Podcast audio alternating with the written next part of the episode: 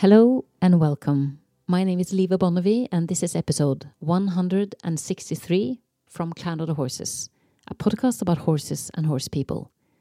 Today I have invited doctor in veterinary medicine Filipe Bragança. He has a PhD in biomechanics, and he is an assistant professor at the Utrecht University in the Netherlands. We are going to talk about the Swedish app Sleip, and we are going to talk about Filipe's field of expertise, biomechanics, which is the science of movement of the living body, including how muscles, bones, tendons, and ligaments work together in order to move the body of the horse. Enjoy.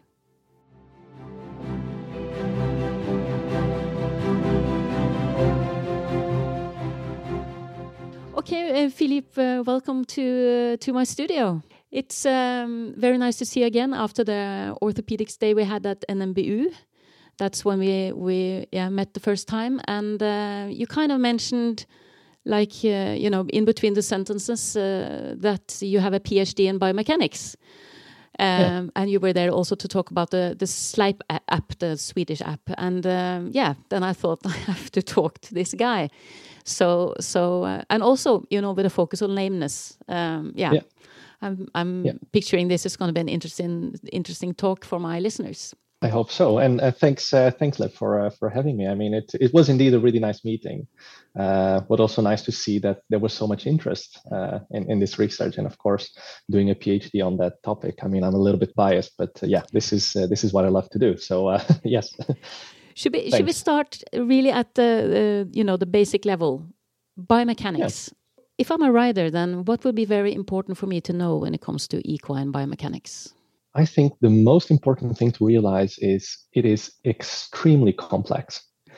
And it really is an extremely complex puzzle, which is extremely interconnected. And that makes the study of biomechanics, at least for me, extremely interesting. Um, because it's not just like studying a pendulum. I mean, you can you can very easily uh, take a piece of paper and uh, when you when you study physics um, you r- learn okay how do you how do you uh, model the movement of a pendulum? And i mean that's that's pretty straightforward for someone who's uh, who studied physics. I mean you need to know the length of the the, the pendulum the weight uh, its initial position and you can actually predict its movements based on that. But animal or human biomechanics it, it becomes extremely complex because we have so many different joints, we have so many different muscles, we have so many different ligaments, and it's extremely complex to the point that I can really say that we still don't have the whole picture of how a horse moves. And especially when we put a rider on top of it, that makes it even more complex. So I think for me, the most important thing to realize is it is really difficult and it really is complex, and we still don't know everything about it. And I think that's a very good point to start because I also see it, some people might see it as, as a negative thing. Okay, we don't know yet everything, that's bad. I see it as an opportunity because I think there's just so much to do. There's so many opportunities because it's still it's uncharted territory. And as a scientist, which is uh, and, and a researcher, that's what I really like to do to to really get to the border of okay, what is the knowledge, what do we know, and try to look a little bit over the border and find out, okay, there's something there that we still don't know enough about it. And that's what we've been doing now, for example, with lameness, which has been a big focus of our research for the next eight years where, where I'm working. And some, some very interesting things have been happening in the last couple of years. You talk about it as like uncharted territory. So that makes you kind of like an explorer. Yeah, and, and it really is. Um, and the funny thing about science is it becomes, uh, it feeds on itself. And uh, I always have this comment from uh, from our colleagues who are doing PhDs. So uh, where I'm working at the University in Utrecht, um, we either have uh, PhD students who are you know 100% focused on research, and we also have clinicians who are surgeons, uh, horse surgeons, who are combining clinical work with with research. And it's funny because all of them have this feeling. As soon as they get closer to the end of their PhD, they say to me, you know, Philip, I, I think we we were able to answer a few questions, but we raise so many more new questions. And that's the funny thing about science. And that's just, I think it, that's the reason why science is still here. And it's the realization that, yes, we might be able to answer one or two questions, but in that process, we realize that a long way. There's still so many things we don't know. And we started writing down a few more questions for the future. And I mean, we could do this forever, basically. I'm, I'm feeling curious about how this all started for you with equine biomechanics. Why, why was that, you know, your main focus point? Yeah, um, I mean, from very young age, I was always very interested in how things work. Um, that was a, a, little bit my passion as a kid. It was funny because every time I would get a, a gift, a toy, the first thing I would ask my parents was a screwdriver. I wanted to open it, put it into pieces, find out how it works. And uh, often enough, I wouldn't be able to put it back together, but that's fine. You, you learn. Um, so there's always been some curiosity with me with an almost certain obsession of how things work. Um, and that evolved to uh, when I was uh, um, getting to the point of uh, going to university. I was very interested in computers and, and, and electronics. So I actually adventured a little bit into uh, electronics and computer engineering uh, for a couple of years. Um, but I still had a huge passion for horses. I was a horse rider. And at that moment, I felt a little bit, um, I, I, started missing the horses and, and riding. So I I took a step back and I went to veterinary medicine, which which I loved and um, I, I, graduated it from. And then I got into my internship uh, where I moved to to the UK. Um, and during my internship, I started to get accustomed to one of the main issues with patients, which is lameness. I mean, it still is the main reason for consultation worldwide um, is lameness or poor performance. And most of the horses who come to us with a, just a, a, he's just he's there's just something wrong, or he just doesn't want. Most of those cases, there's a lameness involved. And the, the more I started looking at lame horses with my uh, supervisors at the time, a huge uh, disagreement started to grow inside of me because I was just not able to see what I was being told to see. We were all together looking at horses, at lame horses, and doing uh, lameness examinations, and I was just feeling very. Um, I was just not able to to see these things that I was told that I was supposed to be able to see. And that raised the question to me, and especially with my knowledge of electronics and engineering, I was wondering is either there's something wrong with me or there's something wrong with this process. And I started doing some research and reading some, some papers at the time. Uh, there's already some research being done in this in terms of uh, uh, rater agreement. So if you get a couple of vets looking at a lame horse. Do they agree with each other? And I realized, no, I'm not the first one. So there's a problem here. And I started to get interested into biomechanics because I realized, well, we can study these movements. So if a horse is lame, what we see as a lameness or what the rider feels as a lameness is a change in the movement, is a, a change in its normal pattern. And this is what biomechanics is, is, is doing, is measuring. And at the time, I, I, I started really gaining interest into, into biomechanics. And um, luckily enough, a position uh, open at the University in Utrecht. Um, and we decided to move to the Netherlands. And I've, I've since then, I've been doing my PhD in biomechanics, where I already finished. Uh, and since then, I've been doing a lot of research, mainly focused on, on how to use biomechanical principles to objectify, to quantify lameness. So to take this subjectivity this bias that we have as humans, um, taking that out of the equation with the, the, the, the big principle or the big idea that I mean, if we cannot, as veterinarians, still agree and on which leg the horse is lame, or even if the horse is lame or not, everything we're doing from a scientific point of view, it, it's it's just not perfect enough. So we, needed to improve that, and that's what took me to to starting this uh, this research into biomechanics. And I think we've done quite a lot of interesting things in the last couple of years. It's interesting that you say that veterinarians can stand and watch a horse and and uh, you know have a debate whether it's lame or not because as riders you have to kind of you know go a few steps down the stairs and and uh, yeah we have the same discussions so yeah. what what have you guys been up to to help us uh, get a more objective and uh, scientific you know perspective on lameness? So um, I, I, always say that, um, of course, I'm standing here now today, but I'm, I'm, I'm standing on giants. And I mean, there's been uh, huge uh, researchers, which I call these giants, that have been uh, starting this, this research already 20, 25 years ago. And it goes back to people like Florian Buchner, who was a PhD also here in Utrecht uh, from the University of Vienna. He actually did some of the first work on, on, on that. Uh, and then uh, one of the very famous uh, researchers on this field, Professor Kevin Keegan, uh, who was one of the developers of the lameness locator system, also did quite a lot of research on that. And they actually realized that we can actually quantify lameness. And back then, uh, it was pretty obvious it was working, but the technology was just not ready yet. I mean, horses were on the treadmill, horses had these sensors with cables.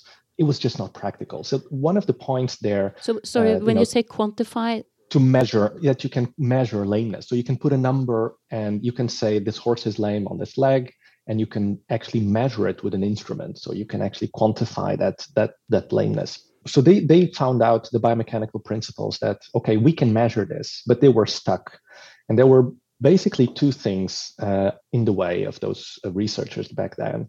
One was technology which we all know where we are today so that's that's fixed. Um, but there was another huge barrier and that was um, the community the veterinarian community. And that has been the first fight that we had to start uh, fighting uh, when we started this research. It's because uh, a lot of the veterinarians would still not agree that you could uh, measure or quantify lameness. Um, there was still an idea that uh, lameness assessment is an art, and you know only some people are able to do it. Um, and unfortunately, a lot of uh, veterinarians were taught that at school years ago which is is is uh, it's it's false. It's completely false. Uh, it's not an art. It's it's science. And of course, there is a lot of training involved. And of course, you can't expect a new graduate who just you know just fresh out of vet school. Of course, he's not going to be as good as someone who's been doing this for 30 years. Of course, there's a learning curve.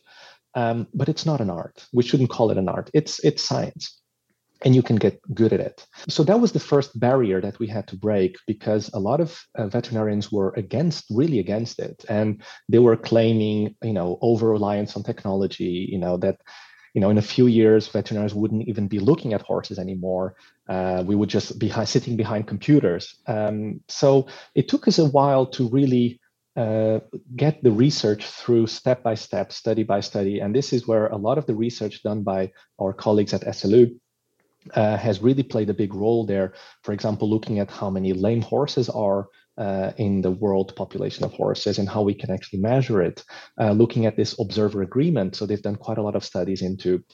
Okay, I get the 10 best vets in the world, and I ask them to look at horses, at lame horses. Do they agree with each other? Uh, do they agree better if it's a front limb or a hind limb lameness? Do they agree better or worse if it's a subtle lameness or a severe lameness?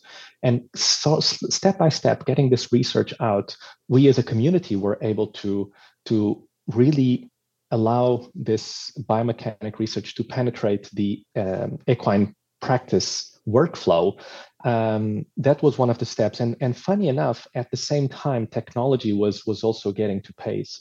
So uh, where we used to have these huge cameras, all these cables, and horses having to be trained on a treadmill. Uh, all of a sudden, we have these uh, sensors, these IMU sensors that we can now just, you know, put a sensor on the horse. It has a battery. It's wireless. Uh, this is the principle behind the lameness locator.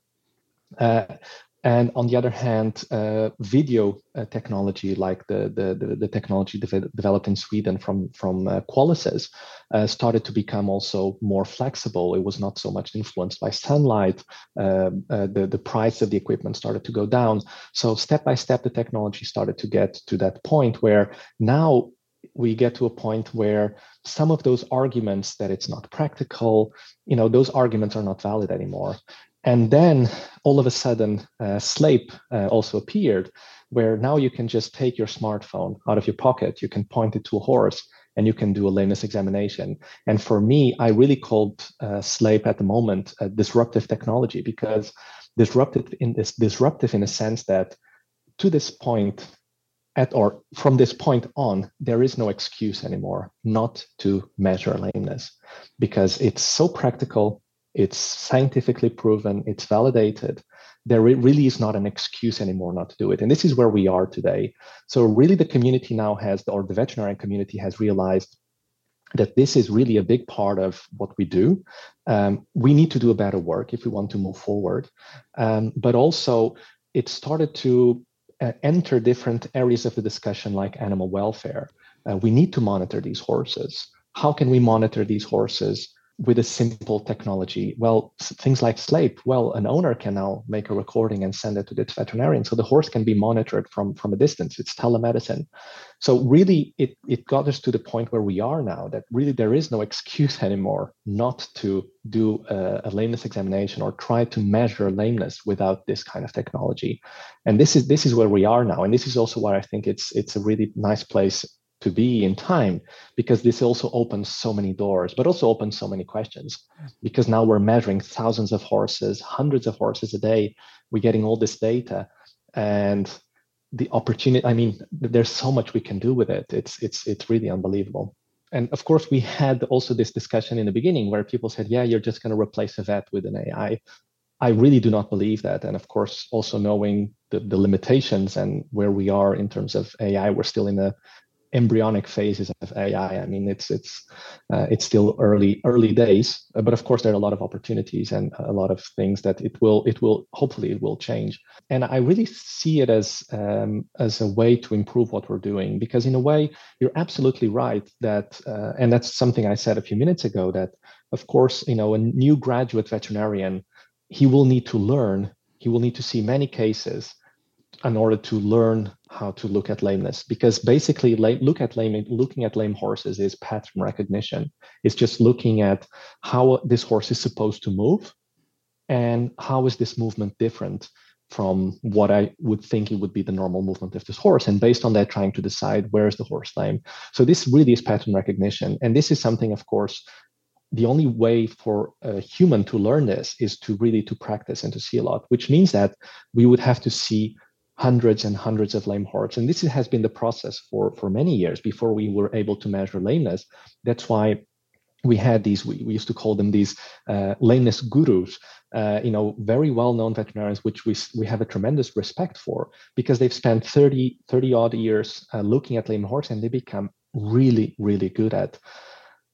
The thing what we're doing now is we have these huge databases of these same lame horses and we can now train a model within hours inside a, a, supercomputer to see these patterns and to recognize these patterns and to be able to measure the same things or to quantify what what we were before trying to do with our eyes.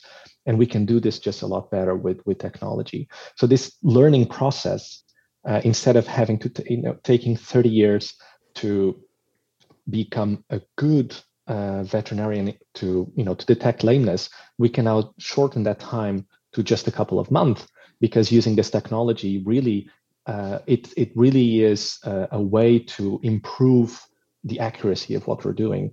And we're also learning with the system. That's actually one of the first things i realized when we first installed our first gait analysis system. This was this was the QHorse system from from uh, in sweden.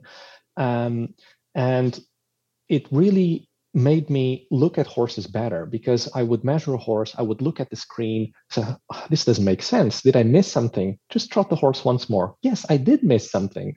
So it really makes this uh, also our subjective way of looking at so the old way of looking at lameness becomes better because we get immediate feedback from these systems uh, where before we didn't get any feedback the only feedback would be perhaps in three or six weeks when we realized that the horse just didn't get better just because we we, we didn't we were able to see what we were uh, we thought we were able to see a couple of weeks ago. So in that sense, I really think uh, this technology can shorten this time that it takes to learn or to become good at uh, looking at lameness. And I really think that AI will will will play even a bigger role uh, in this in the upcoming years because, as I said, we're just now having these huge uh, databases with more and more cases of lameness. Um, and eventually, we will not only be able to see uh, or to say if this horse lame or not. Well, we are already now one step further because now we can even say on which leg this horse is lame um, is it a front or a hind limb lameness? And my guess is that in the near future, we will also be able to say where in that leg that horse is lame based on these patterns. And that will really be a step forward in what we're doing. So we're shortening what, because a lameness examination can, you know, it can take somewhere between an hour and two or three days. And hopefully in the future, we can really reduce this time to just a couple of minutes with a few measurements. We are able to diagnose the horse. So this is really where I think we will be in a couple of years, but perhaps I'm just being too optimistic. You should be optimistic. That's, I think, yeah, it's a good yeah. quality. But uh, yeah, but also, you know, in a country like Norway, uh, it's a very long country, and and there are horses, you know, all over the place. And sometimes maybe you have a horse at a stable where it takes two to three hours to get the vet even to come there. Yeah. And and you know maybe you don't really even have internet for real. So we have kind of you know really you have to get to the top of the mountain and and download the app and go down and and film your horse and go up to the mountain and send it. But yeah, yeah. you know it it seems like a very good opportunity to kind of broaden veterinary medicine and make it yeah. more accessible to people who would otherwise maybe not even call the vet in the first place. Yeah, and I really think that uh, developments like Sleip uh, really taking that step into what we call telemedicine. So re- being able to reach out uh, further, but also um, as I said um, a little bit earlier, uh, the, the, the whole discussion on you know animal welfare and being able to monitor these horses because I really think that uh, we will soon get to the point that we need to somehow monitor horses um, a little bit more often. Because what happens now, talking, for example, I'm not even talking about Olympic top sports, I'm any kind of uh, equestrian sports. When you go to a competition, most often the horses are checked by a vet, and they're probably checked a few months later on the next competition. So what happened here in between these months? We don't know. Sometimes these horses are checked once a year sometimes even every two or three years. Um, so would be really nice to and i think in the future will be necessary that we have better records of how these horses are moving because what we're doing is also quantifying welfare because we know lameness is one it's not the only but is one of the big welfare problems. So if a horse has pain if a horse is lame this really is a welfare problem. So if we're able to somehow have a passport where we can show you know this horse for all his career has never been lame or yes he was lame but he was treated and see he got better. I really think having these records is going to be a big part of um, this discussion. And this is one of the things that i talked when we were um, at university uh, a couple of months ago. Um, really asking the question of I, if if we don't, I think that if we don't change something, uh, we will be in trouble very very quickly. Um, in a way that the, the, the discussion at the moment in terms of animal welfare, what we're doing as riders, what we're doing as veterinarians, it's still very much based on emotions and feelings. And I understand that emotions and feelings play a big role in the equestrian industry, of course. We're all passionate about horses. Of course, emotions play a big role there. Um, but when it comes to having a discussion regarding um, the welfare of, of our horses and uh, how fit are they to compete because they are athletes. I mean we're using horses for sport. They are they are at, they need to perform. And of course they have to perform in a way that um, they're uh, they're not lame and they're not in pain. Uh, and we should be able to have a discussion an objective discussion about it. And at the moment the whole discussion in terms of uh, welfare of horses, the uses of horses in certain sports, it's still very based on emotions and feelings about what I feel about my horse or what I think my horse feels, but they cannot talk.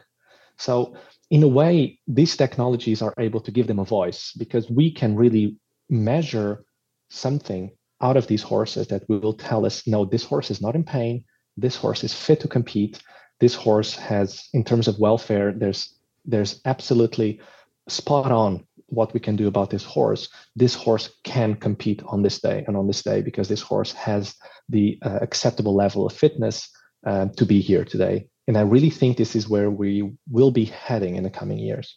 This is really interesting because sometimes it can be i mean the sports community with horses is not huge in norway for example so the mm-hmm. veterinarian mm -hmm. that's going to tell you whether you can start the competition or the race or not, it's probably going to be a guy that you somehow know.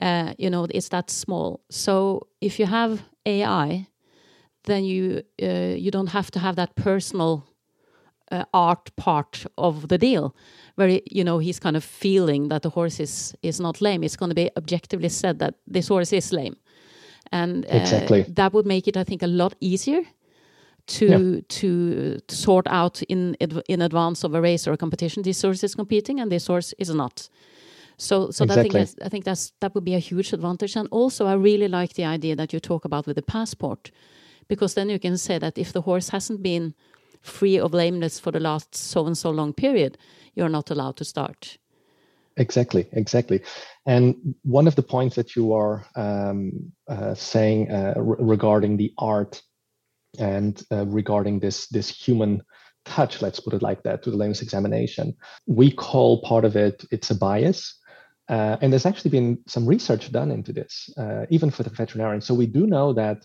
um, bias uh, there are some biases in the process of doing a lameness examination. There's a very interesting study done uh, in the UK a couple of years ago.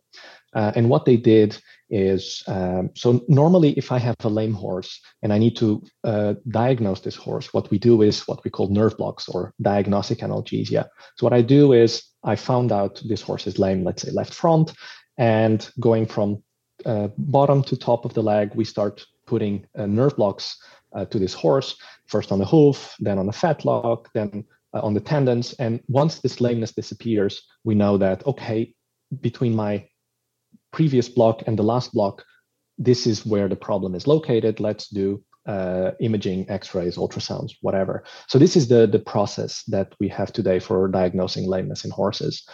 Um, so what they've done is they've run a study where they took lame horses and um, they divided a, a, large group of vets into two groups.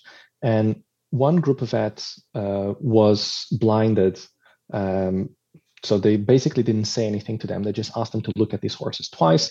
And the other group, they said between the first and the second time that they had to look at these lame horses, by the second time they told them, oh, by the way, we've put a nerve block on that leg that the horse is lame. And then they asked them to look at the horses again. And what they found out is once that group of vets that was told that the horse had a nerve block, when they were asked to look at these horses again, they graded these horses with a lower degree of lameness, even though there was no nerve blocks done on these horses. So the fact that the, these vets were told that there was a procedure done on this horse, on that leg, on that very specific leg, uh, created a, a, bias, a cognitive bias um, uh, in these vets to give them a lower degree of lameness. And this really showed that you know we as humans are also you know this system, the way we quantify movement with our eyes and with our mind is is flawed uh, because we are influenced by these external factors. And of course, in this study was the known fact that the horse had a nerve block, yes or not. But there are so many other factors, as you said, um, you know, the relationship we have with the owner or with the horse. Because of course, if I know this owner very well and I, I love this horse, I want this horse to get better. And I'm not saying that we are doing this uh, on purpose, but of course, we want this horse to get better. Um, Fridays afternoon, you know, if I'm doing a nerve block or you know a lameness examination, at the end of the day, I'm tired. It's almost weekend. I want to go home. I want to get home to my kids. Of course, um, this will affect our judgment. Um, so there are so many factors that can influence ourselves, and we know, and there's been some research onto this, that you know these are some of the factors that affect uh, our capacity to quantify lameness.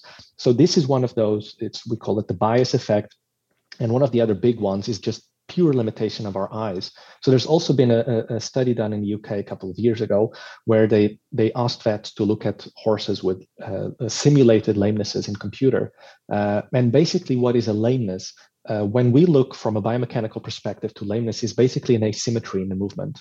Um, and that's what we see. So when we see, for example, a horse with a front limb lameness, we see this, we call it a head nod. So this the, the head goes up and down in an asymmetrical way. So it falls more on one leg than the other.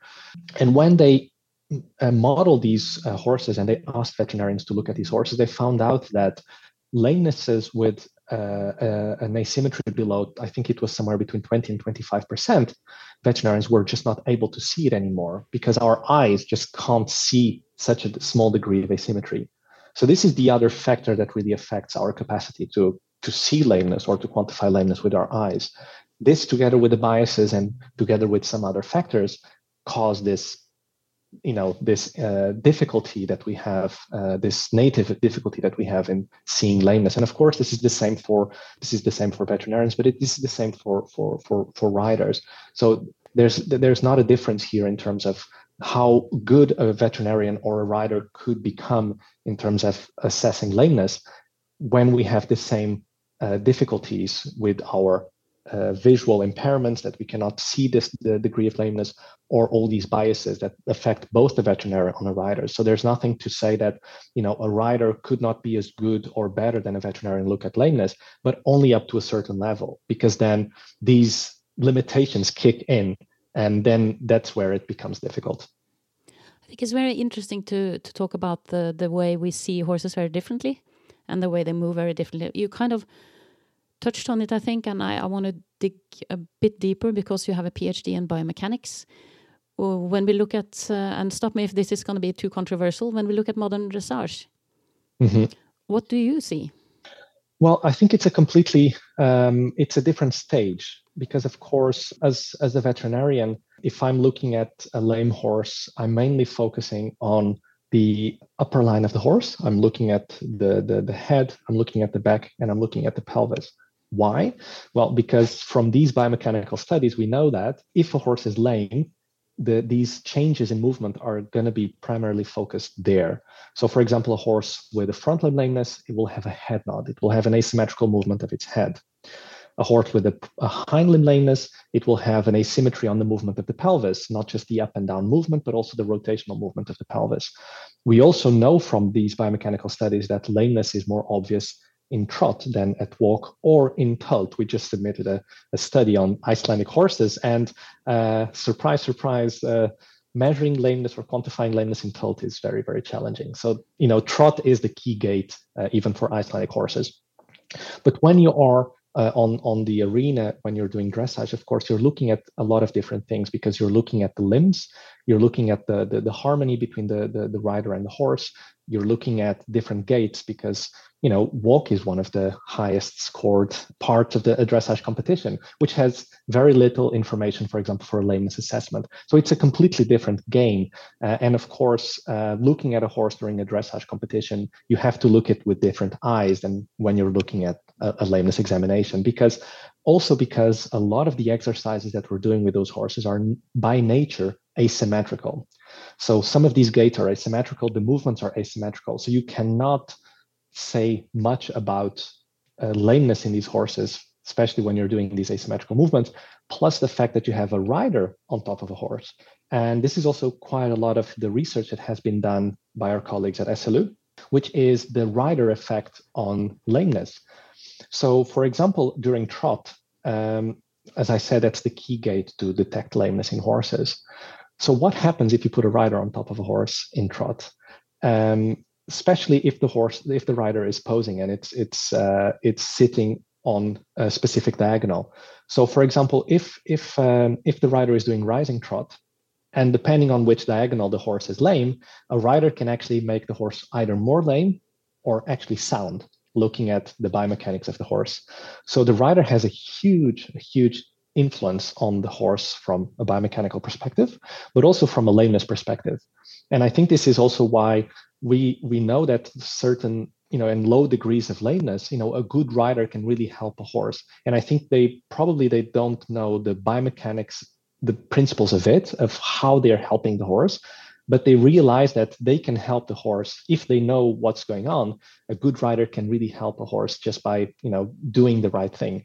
When you talk about the rider sitting on top of the horse when if we if we kind of rewind and go back to the time where ai is not an option um, yeah. I've talked to quite a few vets that say that you really need also to put the rider on top to really kind of do a thorough examination on the horse. Uh, what is your perspective on that? This is very controversial, um, and this is also this has been going hand in hand with the battle that I said that we've had for for the last couple of years with the introduction of gait analysis in, in veterinary practice, um, because there is there is also there used to be uh, an idea that you know uh, lameness examination was an art, um, and only you know really experienced veterinarians were good at doing lameness examination. And next to it, there also the, the school of, you know, you cannot do a lameness examination without a rider. I would have to, based on the science that we have and the evidence, I would have to strongly disagree with that. Because there's absolutely, at the moment, no evidence that only certain types of lamenesses will be visible when the horse is ridden. What we know that now is that a rider can increase that degree of lameness and make it more obvious. So as I said, depending on which leg a horse is lame, and depending if the if the rider is doing a rising trot, uh, if he's actually sitting or rising on the lame diagonal, he can really amplify that this lameness and make it more obvious. And this is pure speculation from my side because we do not have the research to say that. I think that is one of the reasons why this this idea has been perpetuated for many years that you need to do um, you need to ride these horses and of course some part of it is also true in very specific cases so let's imagine for example a horse with with uh, with back pain with severe kissing spines or you know with a with a pure pathology on its back. And by the time that the rider is sitting on that horse with a saddle then the horse is in pain. Those cases i do believe that a rider will help a veterinarian see those clinical signs of either back pain or even with the bit if the horse has uh, dental problems and is having issues with, with contact with the bit and the horse is showing uh, specific behaviors that the horse is just not comfortable in its mouth. Yes in those cases you will you will put a rider. But very often the, the, the horse will come to us already with that complaint that oh the moment we put the saddle on he's already not happy or it's just when we we started having contact with this horse with the reins that he's not comfortable. And then we know well perhaps we should look into this horse's mouth or we should have a good feel of its back. So i do not think that all lameness cases should be ridden. And I don't think that you can only do a good lameness examination riding a horse. Also, because now we know how much influence the rider has on the horse. And that makes it so much more complex. And this is when I started this, when, when I started our talk, I said, well, what is the most important thing about biomechanics? And I said, well, one of the most important things is extremely complex. Well, if you have something more complex and you put another more, even more complex system on top of it, it just becomes an extremely complex puzzle. So my answer will be in some cases, you might get some extra information from the rider, but in the majority of cases, you do not need a rider. Can I also ask you something you talked about uh, at, right at the start of our talk? How many horses? Do we know that? How many horses will be lame uh, at yeah. any given time? Do we have a number? Yes, we do have a number, but there's a there's a caveat to that number. So I'll, I will uh, develop that a little bit more. And I, I often use the, the, the very typical uh, English uh, uh, cliche of the elephant in a room when I talk about this in, in my lectures, because for me, it really is the elephant in a room. Because if you ask me uh, how many lame horses are out there, well, we can talk about the research that has been done. And what kind of research has been done? Well, as soon as we started having these gait analysis systems with sensors, you know, researchers around the world starting to do these uh, populational this is epidemiology. So take a large group of horses, measure, find out how many of these horses have asymmetrical movements. There's been a couple of studies, some done at uh, SLU uh, in Sweden um, uh, by our colleagues, uh, Marie Rhodin. She's, uh, she's been doing quite a lot of research on that. There's been some studies in Australia. There's been some studies in the UK. So there's actually data from quite a few different countries. And they all come to the same number that roughly two thirds of the, the, the measured horses are asymmetrical. But now this is what I mean about the caveat. So these horses are asymmetrical, which means that when we measure these horses, we are able to detect a, a significant movement asymmetry. So we still don't know if these horses are in pain or not. And this is one of the big part of the research that we're doing now is we know that sound horses, so horses that are not in pain, they move very symmetrically, or no one is perfect, but within a certain range. We call these reference uh, ranges.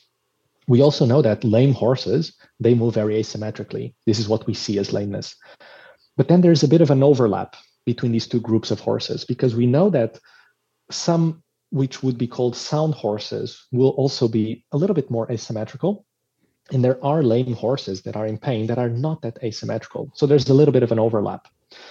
So going back to, to these papers, most of these papers have come to around two thirds of the horses have a, a significant asymmetry.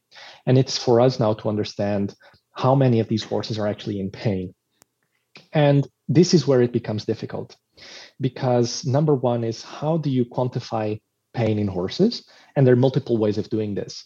So, for example, again, our colleagues at SLU, they're doing a lot of research with uh, pain face. So they're actually using uh, computer vision, so AI models, to actually identify uh, signs of pain uh, in your uh, in the horse's face because there are changes either in the nostrils or in the eyes that can indicate pain. So this is one way. There are uh, pain scales that can also be used for certain behaviors when the horse is, is being ridden, but none of these is black and white. Um, so what are the other options we have? Well, some of one of the options we actually could have is, for example, to give pain medication uh, to these horses. And this is actually one of the studies that our colleagues at SLU did, which is they took this large population of horses that were asymmetrical and they gave them some pain medication. Um, and on the first part of the study, they actually they didn't get better. So they, the, the horses, the, this asymmetry remained. And part of the research is now to try to find out so why are these horses as asymmetrical as lame horses. They do not respond to pain medication.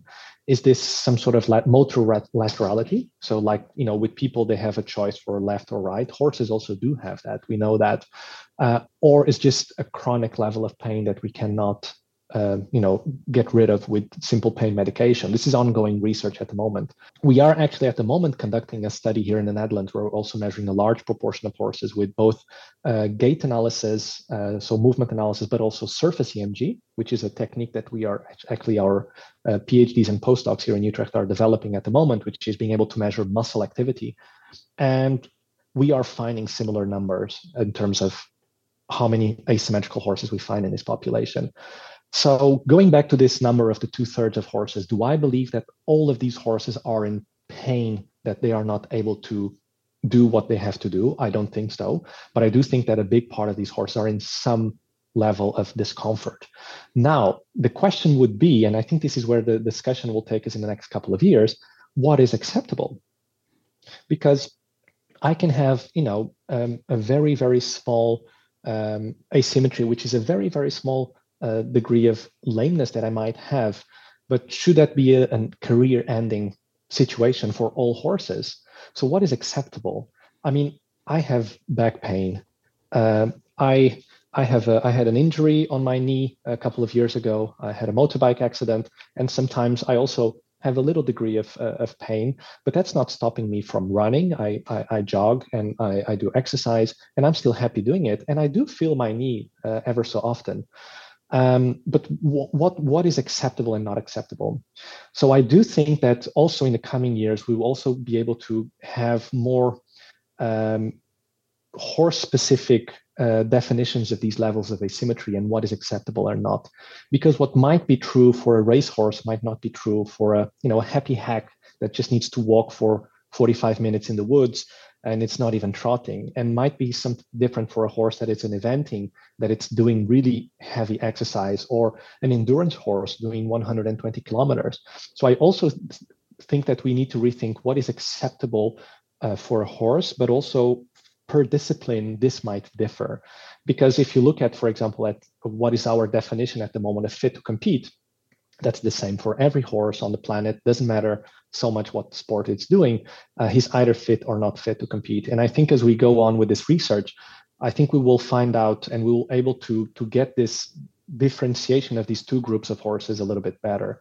Um, but i do think that there's still and not just think we, we know this from this research that are unfortunately quite a few horses with subtle degrees of lameness that just haven't been detected and they just keep on going. And these are the kind of horses that perhaps the rider just thinks yeah it just doesn't feel right or he's just not um, up to it today. I'm not sure what's going on. And sometimes it takes weeks until uh, this problem is detected these uh, low degrees of lameness. And this is where i also see a lot of opportunities for us for what we call early detection and monitoring. So we were talking about monitoring horses. So I really hope that in the future, we will be able to detect these subtle lamenesses on a very, very early stage, because we also know that the sooner and the earlier an orthopedic problem, so either a horse with arthritis or a lesion on a tendon, the sooner this is detected, the better the prognosis is, because if we can detect this early, we can treat it as early as possible. We can rehabilitate this horse as soon as possible, and this horse will go back to being fit to compete also uh, earlier. So I really think that you know early detection and monitoring of horses and AI will play a big role here and tools like Sleip, which will allow us, for example, to monitor horses on, you know, every day, every week, every two days, doesn't matter. It will get us there, and I think that will also be a big part of this uh, welfare monitoring, this passport of horses, if we want to call it, that we will have in the future. Um, I think this will this will be a big part of what what will what we'll have in front of us in a couple of years. This has been such a great uh, talk, uh, Filipe. I'm so grateful for your time.